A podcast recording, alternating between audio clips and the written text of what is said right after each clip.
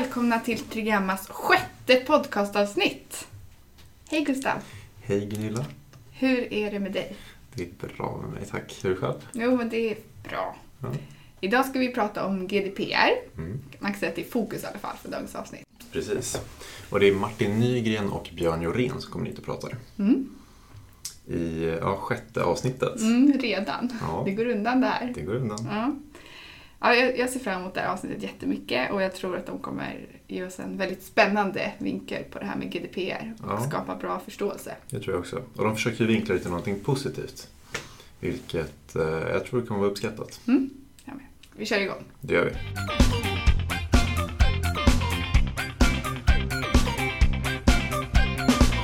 Hej och välkomna Björn Jorén och Martin Nygren. Vilka är ni och vad har ni för roll på Tregramma? Tack för att vi får vara här. Vill, Ja. vill du börja Björn? Jag kan börja. Och tack för att vi fick komma hit. Eh, Jag heter som sagt Björn Norén. Jag jobbar med risk och säkerhet på Tryggamma. Eh, Och har jobbat med det i ungefär 11 år nu. Ja, eh, Martin Nygren heter jag. Mitt fokus är informationshantering i alla dess former. Så allt ifrån masterdatahantering till analytics, big data, you name it. Välkomna hit! Roligt att ni ville komma. Idag ska vi prata om GDPR bland annat. Vill ni börja där och berätta vad, vad är GDPR? Ja, eh, GDPR är den nya PUL, dataskyddsförordningen, som står för General Data Protection eh, Regulation. Yes, eh, när du säger PUL, då antar jag att du tänker på personuppgiftslagen. Eh, Ja. Den som reglerar hur juridiska och fysiska personer eh, får hantera personuppgifter eh, ur ett databehandlingsperspektiv. Mm. Eh, yes, men vad, vad är en personuppgift? Ska vi börja där? Ja, gör det. Eh, enligt PUL så är en personuppgift all slags information som direkt eller indirekt kan hänföras till en fysisk person som är i livet. Eh, gäller det för GDPR också? Det stämmer. Döda har inte mycket rättigheter. Nej. Eh, är det någon skillnad? Ja, det, det, är, en, det är en del skillnad eh, i och med nya GDPR.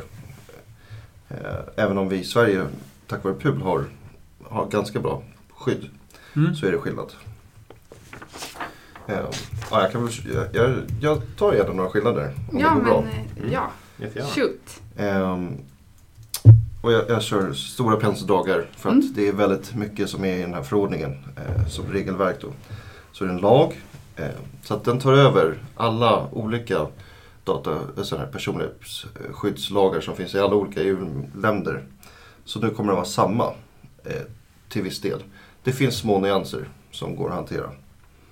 Eh, exempelvis så, så barn, ålder på barn, bara för att ta ett exempel. Så, Mm. så kan vissa länder välja att barn kan vara yngre och, eller upp till lite äldre.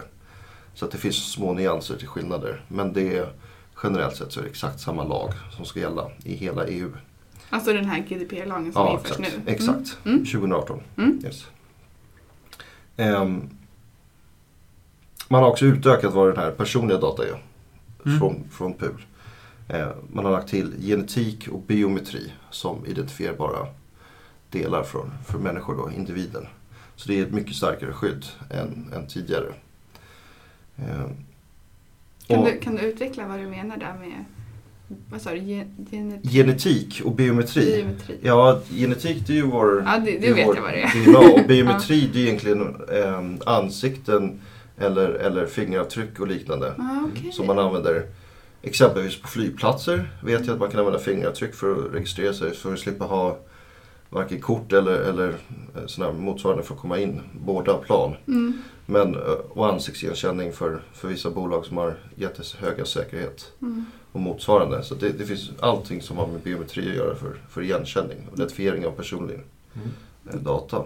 Just det, för tidigare så har det varit primärt text. Olika typer av textidentifierare. Ja. Men även online-baserade som det. IP-nummer Mm. och liknande. Vad var det Okej. för skillnad för eh, våra kunder till exempel? Om man jämför PUL och GDPR? Ja, eh, ja organisationer kommer få, få det lite jobbigare. Alltså, I och med att man stärker rättigheten för individer så måste organisationer anpassa sig till det. Eh, och för att få attention på, på det här som kanske inte har varit, det har varit väldigt ojämnt ska jag säga mellan EU-länderna. Kostnader för företag för att bryta det här mot, mot PUL och motsvarande. Så har EU nu anpassat den eh, till en betydligt högre nivå och gemensam nivå. Så nu, nu, det högsta beloppet som finns det är 20 miljoner euro. Eller 4% av omsättningen. Vilket som är högst. Så för vissa bolag så, så kan det ju vara förödande Mm. att få högsta bötesbeloppet. Eh, och, men det krävs ju en del att, att missa det ändå. Mm. Eh, man har lagt in saker som, som, ska lägga, som ska minska egentligen bötesbeloppen. Om man arbetar aktivt med det och man har eh, processer och, och formella processer ska jag säga, dokumenterade och kontroller som följer upp så här. Medan det också finns åt andra hållet att man kan få maxbelopp i och med att man är, som företag inte jobbar med det. Eller att man inte samarbetar med i Sverige då Datainspektionen och motsvarande i de övriga länderna. Så, att, så att de har lagt in båda hållen. Eh, att de har förmildrande omständigheter och vad ska jag säga, försämrande omständigheter. Ehm, eh, men som sagt, organisationer, ja. Eh, de måste då eh, strukturera upp, skydda, skydda eh, personuppgifter och känslig data. Så att eh, organisationer med känslig data, alltså patientuppgifter exempel, de måste skydda ännu mer jämfört med de som har personlig data som måste skydda väldigt mycket. Så en- ja, det, det finns så väldigt mycket att prata om där. Ehm, men men det som, den stora, stora saker som, som måste till för organisationer på grund av individens ökade rättigheter, det är att eh, man måste ha koll på sin data. För att individen har nu rätt att, eh, the right to be forgotten som det heter så fint. Eh, att glömmas bort. Så om en individ säger att jag vill, glömma, jag vill försvinna från alla register. Finns det ingen anledning att ha kvar datat eh, enligt förordningen så måste företaget ta bort det på alla platser där det finns. Mm. Så har man inte koll på sin data så kan det här bli jättejobbigt. Mm. Eh, och sen även har, har man rätt, som också blir komplicerat framöver, det är rätt till dataportabilitet, alltså data portability. Vilket innebär att ja, man ska kunna ha rätt att ta med sig sin data och flytta till en annan. Det kan till exempel vara, jag kan tänka mig försäkringsbolag, jag vill flytta försäkringsbolag, ta med mig den datan. Men det kan ju vara så som, jag har min Spotify musiklista. Jag vill kunna flytta den vidare. Sen vet jag inte om det blir tekniskt möjligt eller inte, men motsvarande. Mm. Så att man har rätt att förflytta sin egen data Mm. eh, vidare. Och, och det här kommer bli eh, jobbigt för företag. Eh, för att eh, ja, det är mycket som ska göras. Mm.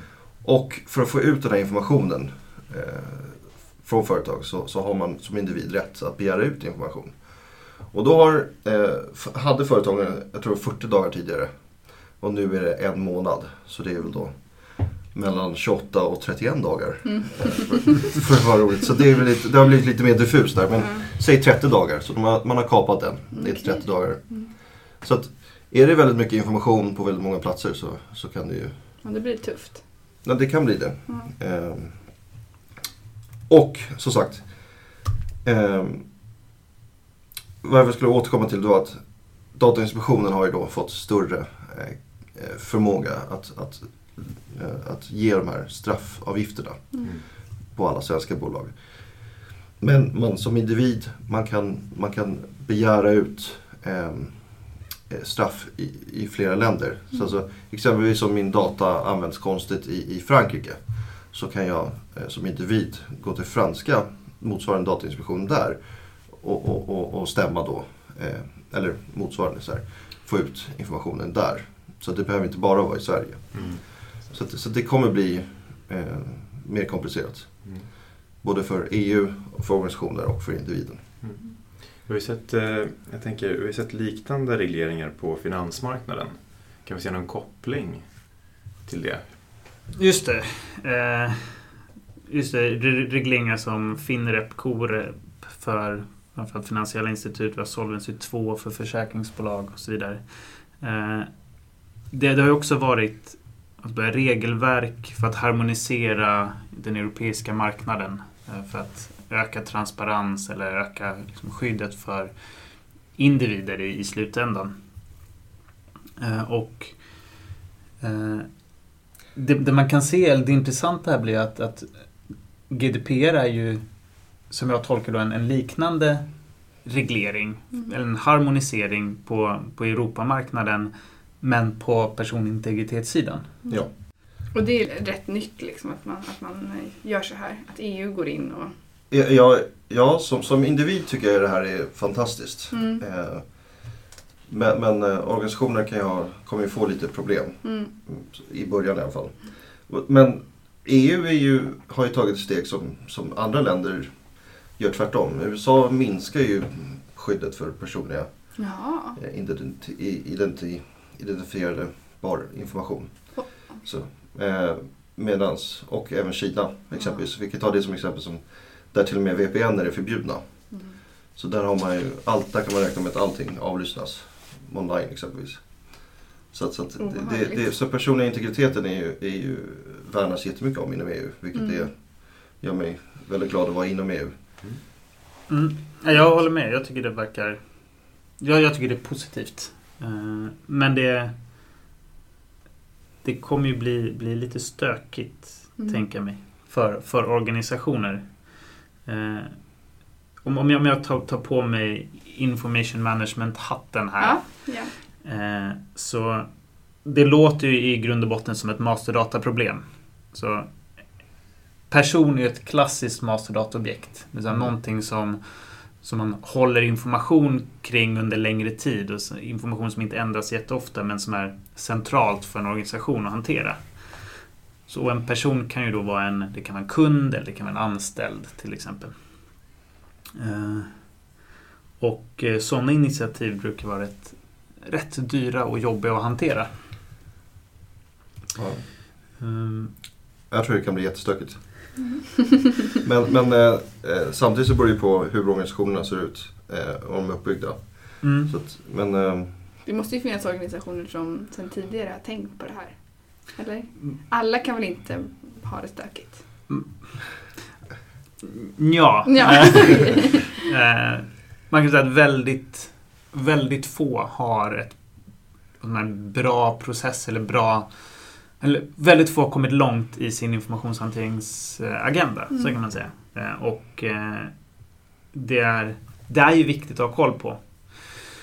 Eh, Men det, det jag, jag tror inte att det upplevs som så viktigt. Mm. Och sen är det rätt jobbigt att ta tag i. Eftersom information finns överallt i en organisation. Det liksom finns alla processer, i alla affärsområden, alla hanterar det. Så att börja strukturera upp det kräver rätt mycket, kräver rätt mycket av en organisation. Eh, Och eh, egentligen det enda stället där man har liksom generellt sett bra processer för att hantera information, det är på finanssidan, eller inom, på finansavdelningen. Eh, Där vi har information om pengar. Så att där har du liksom en hel controllingavdelning som tittar på det. Du har en CFO som ansvarar för det. Men någonstans så här de jobbar ju inte med pengarna utan det är information om pengar. Så någonstans är liksom finansavdelningen det är egentligen bara ett specialfall av strukturerad masterdatahantering. Mm. Eh, Och sen det här att information finns, finns på massa olika platser. Eh, speciellt personuppgifter. Så det, det är ju inte så att det finns en databas där vi har alla våra personer. För då, Mm. då hade det varit enkelt. Utan Mm. Förmodligen så har alla system någon koppling till en individ någonstans. Mm. ja, jag har sett flera exempel på det. Jag tänker spontant på alla lojalitetsprogram som man ser hos eh, ja, men affärer. Mm. Ja, det är ett typiskt exempel på, på eh, databaser eller program som, som kommer behöva tittas på när man gör sin analys. Även vad man har information om personliga, personlig data. Mm. Eh, Så att, ja, det, det, det finns så mycket mer. För det handlar inte bara om kunderna. Så att organisationer som, som eh, idag säger att men vi klarar oss. Eh, gör de inte idag. För vad som händer är att både de som har data och kontrollerar datan, alltså controllers, eh, är idag ansvariga. Men i framtiden kommer även de som processar datan att vara ansvariga. Så även om jag har uppdrag att köra igenom den här analysen av den här datan som jag fått från, från Martin här, från ett annat bolag. Så, så, så har jag ansvar att säkerställa att, att datan är, körs i rätt och riktig. Och att jag har, har lov att köra den. Så, att, så även om Martin säger ja men det är inga problem, jag har fått, vi har okej okay att köra på de här. Så måste jag liksom vara säkerställd att, jag har, att han faktiskt har det. Mm. För annars är jag lika, eh, annars är jag också ansvarig. Mm. Så, att, så att man har delat ansvar. Mm. Och går inte att skriva bort så att säga i ett kontrakt. Men om vi går tillbaka till det här ni pratade om masterdata så finns det ju något som heter testdata. Var, varför är det också något man pratar om i det, samma sammanhang? Ja, väldigt ofta, eh, eller när man utvecklar system eller Mm. eh, sådär, så har man ju data som man testar på. Och det är väldigt vanligt att man bara tar en, en dump från sin vanliga produktionsdata. För att då har du en uppsättning datapunkter som hänger ihop på ett bra sätt och det är lätt att, att se att, att det funkar. Eh, Men har man ett system där du hanterar personuppgifter så får du med de personuppgifterna in i, i test, eh, testsystemen. Och det är inte tillåtet. Det har väl inte varit tillåtet tidigare heller egentligen. Eh, Alltså, eh, eh, någonting som har varit väldigt missbrukat eh, ska jag säga, är ju då testdata. Och väldigt vanligt har varit att företag tar produktionsdata och, och kör in det i testmiljön. Eh, och, och, det, och det kan väl vara en sak. Problemet är att testdata generellt sett finns kvar. Så när, när den tas inte bort och, och den återanvänds. Vilket gör att man har inte kontroll på sin, sin data. Eh, vilket man måste ha. Mm. I, i, både idag och speciellt framöver. För det kommer drabba dig mycket hårdare framöver att ha eh, testdata som är personuppgifter. Mm. Så, så att, eh, men eh, eh, det är ett klassiskt problem. Och Mm. måste styras upp. Och vem är det som måste styra upp det i en organisation? Vem har ansvar för att eh, företaget följer GDPR-lagen när den införs? Det är en väldigt intressant fråga. Eh, om, vi tar, om vi tittar på de regelverken som har gått ut tidigare då, som Mm. reglerat den finansiella marknaden. Där har vi haft en, liksom en CFO som har haft det ansvaret. Eh, men det är väldigt få, få företag som har en riktig Chief Information Officer som så att säga, äger datat. Eller vad, vad säger du Björn? Ja, organisationer, det finns publika organisationer som har, de har personuppgiftsansvar och personuppgiftsombud. Så i, i, i fallet med, i Sverige så har vi ju ombud i alla fall, till viss del.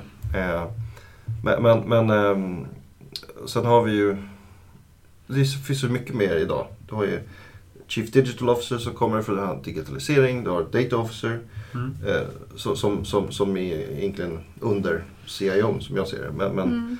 som, som kan fokusera mer på data. Eh, men men eh, det, det brukar ju vara... Det beror på. Tillbaka till din fråga. Mm. Så här, vem är det som är ansvarig? I slutändan så är det eh, CEO eller styrelsen eh, som har ansvaret. Så det bör finnas en utnämnd ansvarig på, eh, i styrelsenivå helt enkelt. Eh, men de som driver eh, compliance brukar ju vara de som är mest insatta i de här regelverken. Så, så har man en internal audit-avdelning eller en compliance-avdelning eller en legal-avdelning beroende på hur organisationen är uppsatta ser ut. Mm. Och sen beror det också på om du har en gruppfunktion eller om du har helt fristående bolag och, sådär, och storleken naturligtvis. Så att det är en svår fråga. Men det, det, i slutändan så är det en, en ak- akut eh, styrelsefråga. Mm. Här, här kommer vi in på en annan ganska intressant aspekt kopplat till vem som har det ansvaret. För de som driver de här projekten, det brukar vara från, från compliance-sidan eller från, från legal-sidan. Eh, tillsammans med IT-sidan och processsidan och så vidare eftersom det, det spänner alltihopa. Eh, och eh, det jag kan tycka är lite tråkigt är att när man pratar om de här projekten så är det så väldigt hårt ur ett bara, ja, men vi måste bli compliant och att det här kommer kosta oss massor med miljoner bara för att uppfylla någon, någon bisarr EU-reglering. Men om vi då går tillbaka till, till mitt område med information management, så ett strukturerat informationshanterande eller en strukturerad informationshantering eh, kan, kan faktiskt spara pengar eh, för en organisation eh, och även vara en konkurrensfördel. Och att liksom, det, det finns massa schabloner för, för hur mycket masterdata kostar. Så bara ett, liksom ett record som inte används kostar massa pengar i lagring, att det liksom tar längre tid att gå igenom processer. Eh, och har du data som inte är uppdaterat så liksom, fakturor kan gå fel, du kan få påminnelser och allt sånt där. Så att bara i och med att du inte riktigt har stenhård koll på ditt data så kostar det din organisation massa pengar. Mm. Eh, och, och att liksom strukturerar man upp det där, och det gäller ju personuppgifter också, då, då kan du liksom spara pengar. Men det är, liksom, det är en stor investering från början. Eh, så alltså att om man eh, använder GDPR så kan, som, som projektet egentligen, så kan man använda det som spark i baken. För att ta tag i sin hela informationshantering. Ja men precis. Eh, jättebra sagt. Eh, eftersom vi, alla organisationer måste ta tag i sin GDPR eh, hanter, eller liksom personuppgiftshantering. Ja. Eh, och då kan man göra på, någonstans på två olika sätt. Eh, mm. Eh, det, det, ena är ju att men, vi gör minsta möjliga någonting bara för att hantera liksom, compliant-frågan. Ja. Eller så börjar man jobba med sin information på ett mer strukturerat sätt. Jag kan ta ett exempel från en av de stora bankerna. Som när de genomförde sin sån Finrep, Corep implementation. Mm. Då byggde de upp ett helt eget system bara för den typen av rapportering. Vilket är någonstans okej okay för att de kan skicka iväg alla sina rapporter eh, till Finansinspektionen. Men du, du har liksom, det blir dubbla organisationer, det blir dubbla system att hantera. Och du styr inte din verksamhet efter det här. Så att tanken med regleringen fungerar inte. Eh, och om vi tar det på, liksom, på GDPR-sidan så det är klart att man kan ju bara bygga upp massa processer bara för att hantera compliance-frågorna kring, kring personuppgifter. Men om man istället använder det här projektet till att liksom, börja titta mer strukturerat på liksom, hur hanterar vi information bättre? Då kan man börja liksom, faktiskt spara pengar också på förbättrade processer inom informationshantering. Eh, du, du kommer vara bättre förberedd när nästa reglering kommer. Det, det lär väldigt snart komma någonting inom liksom, miljö eller spårbarhet och sånt där. Mm. Som förmodligen kommer slå på alla organisationer. Och om man som, som organisation redan då har en struktur på plats för att hantera information så kommer de projekten vara mycket billigare. Eh, man kommer ha sparat pengar eh, redan på, på förbättrade processer och, och, och minskat problem i sin informationshantering. Eh, så jag, jag, hoppas ju att, att organisationen faktiskt tar det här tillfället och när man ändå måste göra en investering, att faktiskt göra det till någonting bra för organisationen också och inte bara regeluppfyllnad. Mm. Ja, jag håller med. Grymt.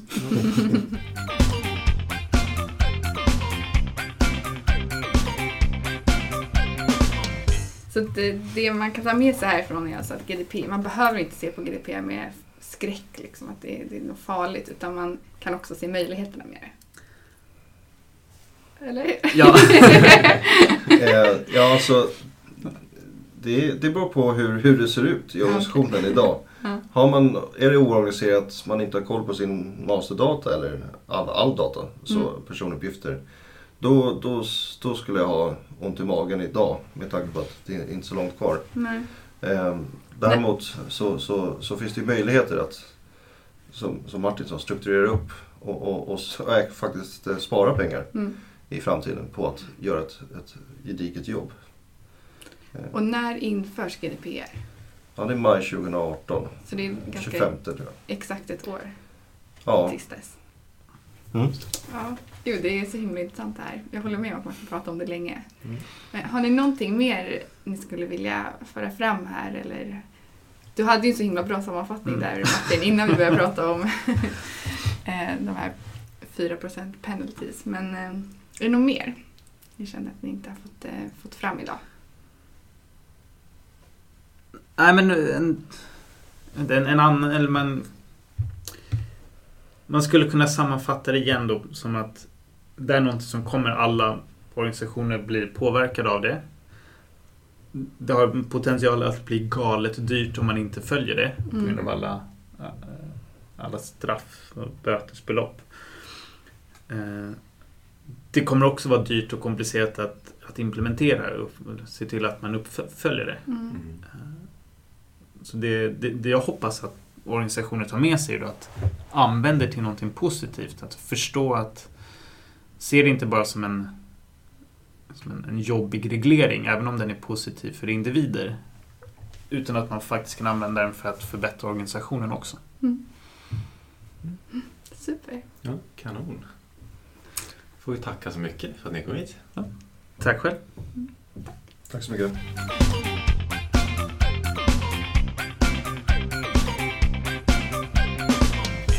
Det där var alltså Björn Jorén och Martin Nygren som pratade om GDPR, bland annat.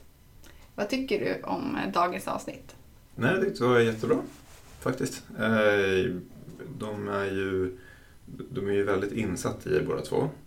Eh, och det de jobbar med till vardags har de ganska stor nytta av kring att hantera sådana här frågor, tror jag. För utöver att de är liksom experter på GDPR. Mm.